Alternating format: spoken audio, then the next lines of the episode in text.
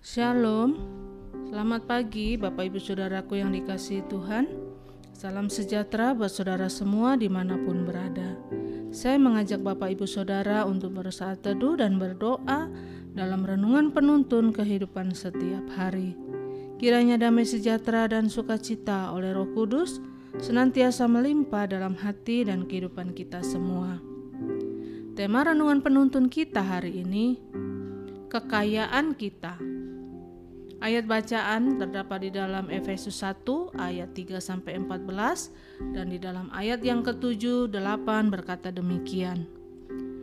Sebab di dalam Dia dan oleh darahnya kita beroleh penebusan yaitu pengampunan dosa menurut kekayaan kasih karunia-Nya yang telah dilimpahkannya kepada kita dalam segala hikmat dan pengertian. Bapak, ibu, saudaraku yang dikasih Tuhan, saya percaya setiap orang pasti pernah bermimpi untuk menjadi orang kaya. Tetapi, tahukah saudara bahwa di dalam Kristus kita disebut sebagai orang kaya? Tetapi, apa buktinya? Dunia ini, kalau bicara tentang kekayaan, akan selalu dihubungkan dengan materi.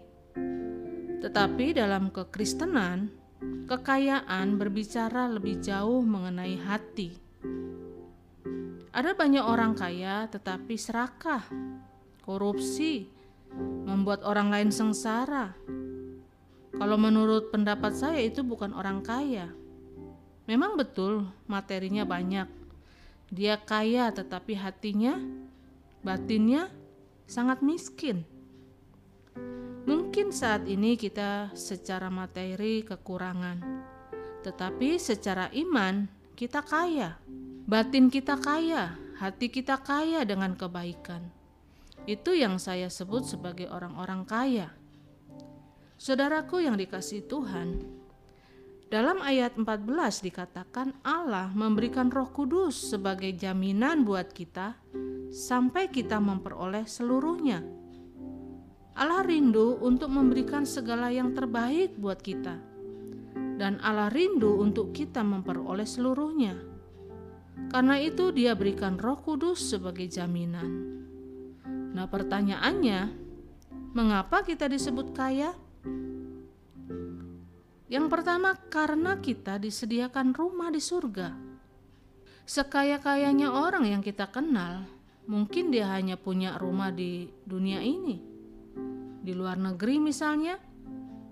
Mungkin saja saat ini kita masih tinggal di rumah kontrakan, rumah satu petak yang sangat kecil sekali, tetapi apa pun yang terjadi, situasi di lingkungan kita seharusnya kita mempengaruhi status kita sebagai orang kaya yang sudah punya rumah di surga.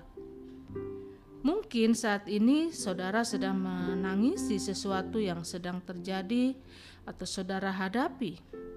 Tetapi akan tiba saatnya di mana kita akan bersorak-sorai dan disambut dengan sukacita karena anak raja kembali ke tempatnya. Karena itu, mari kita pastikan bahwa kita tetap berjalan dekat dengan Tuhan. Dan yang kedua, mengapa kita disebut kaya? Karena kita tidak pernah sendiri. Alkitab berkata, "Aku tidak pernah meninggalkan kamu dan tidak pernah membiarkan kamu." Bahkan Alkitab berkata, Allah memerintahkan malaikatnya untuk berkemah di sekeliling orang yang takut akan Dia. Jadi, hidup kita selalu dijaga. Alkitab berkata, "Yang menyertai kita lebih banyak daripada yang melawan kita." Tetapi persoalannya sering kali kita tidak menyadari bahwa kita adalah orang kaya yang dijaga oleh Tuhan. Dan yang ketiga, mengapa kita disebut orang kaya? Karena kita selalu akan menerima yang terbaik dari Tuhan. Saudaraku, Allah tidak pernah memberikan yang terbaik kedua atau second, tetapi Allah selalu memberikan yang terbaik.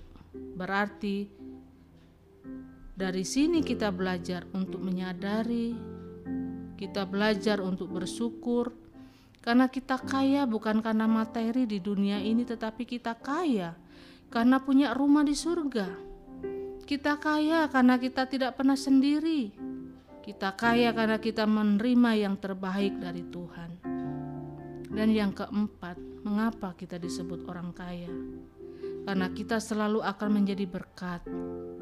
Artinya, kita bukan hanya menerima berkat, tetapi kita juga dapat memberkati orang lain, dapat selalu membawa damai di mana pun kita berada karena orang kaya yang sesungguhnya bukan soal seberapa banyak yang dia punya, tetapi soal seberapa banyak yang dapat dia berikan kepada orang lain. Jadi Bapak Ibu Saudaraku yang dikasihi Tuhan, mungkin saat ini saudara sedang mengalami kekurangan dan berbagai pergumulan dalam hidup saudara. Tetapi ingatlah bahwa saudara adalah anak raja yang diberikan Roh Kudus sebagai jaminan sehingga kita akan menerima segala yang terbaik dari Tuhan. Amin. Mari kita berdoa. Bapa yang baik, sungguh kami bersyukur. Sungguh kami mengerti akan kebenaran firman ini Tuhan. Bahwa sesungguhnya kami adalah orang-orang yang kaya di dalam Tuhan. Mungkin saat ini keberadaan kami kekurangan, kami sedang ada dalam masalah dan persoalan yang berat. Tetapi kami percaya kami tidak pernah sendiri, Tuhan. Kami menyadari bahwa Engkau selalu ada bersama dengan kami. Dan kami percaya kami akan selalu menerima yang terbaik dari Tuhan. Sehingga dengan demikian hidup kami akan menjadi berkat bagi banyak orang. Untuk itu Bapa di surga mampukan kami untuk selalu menyadari akan hal ini betapa kami adalah orang-orang yang beruntung orang-orang yang diberkati Tuhan, orang-orang yang dipilih oleh Tuhan untuk menikmati kekayaan surgawi yang Tuhan sediakan buat kami. Kami percaya Tuhan firman-Mu iya dan amin. Itu akan Tuhan genapi dalam hidup kami.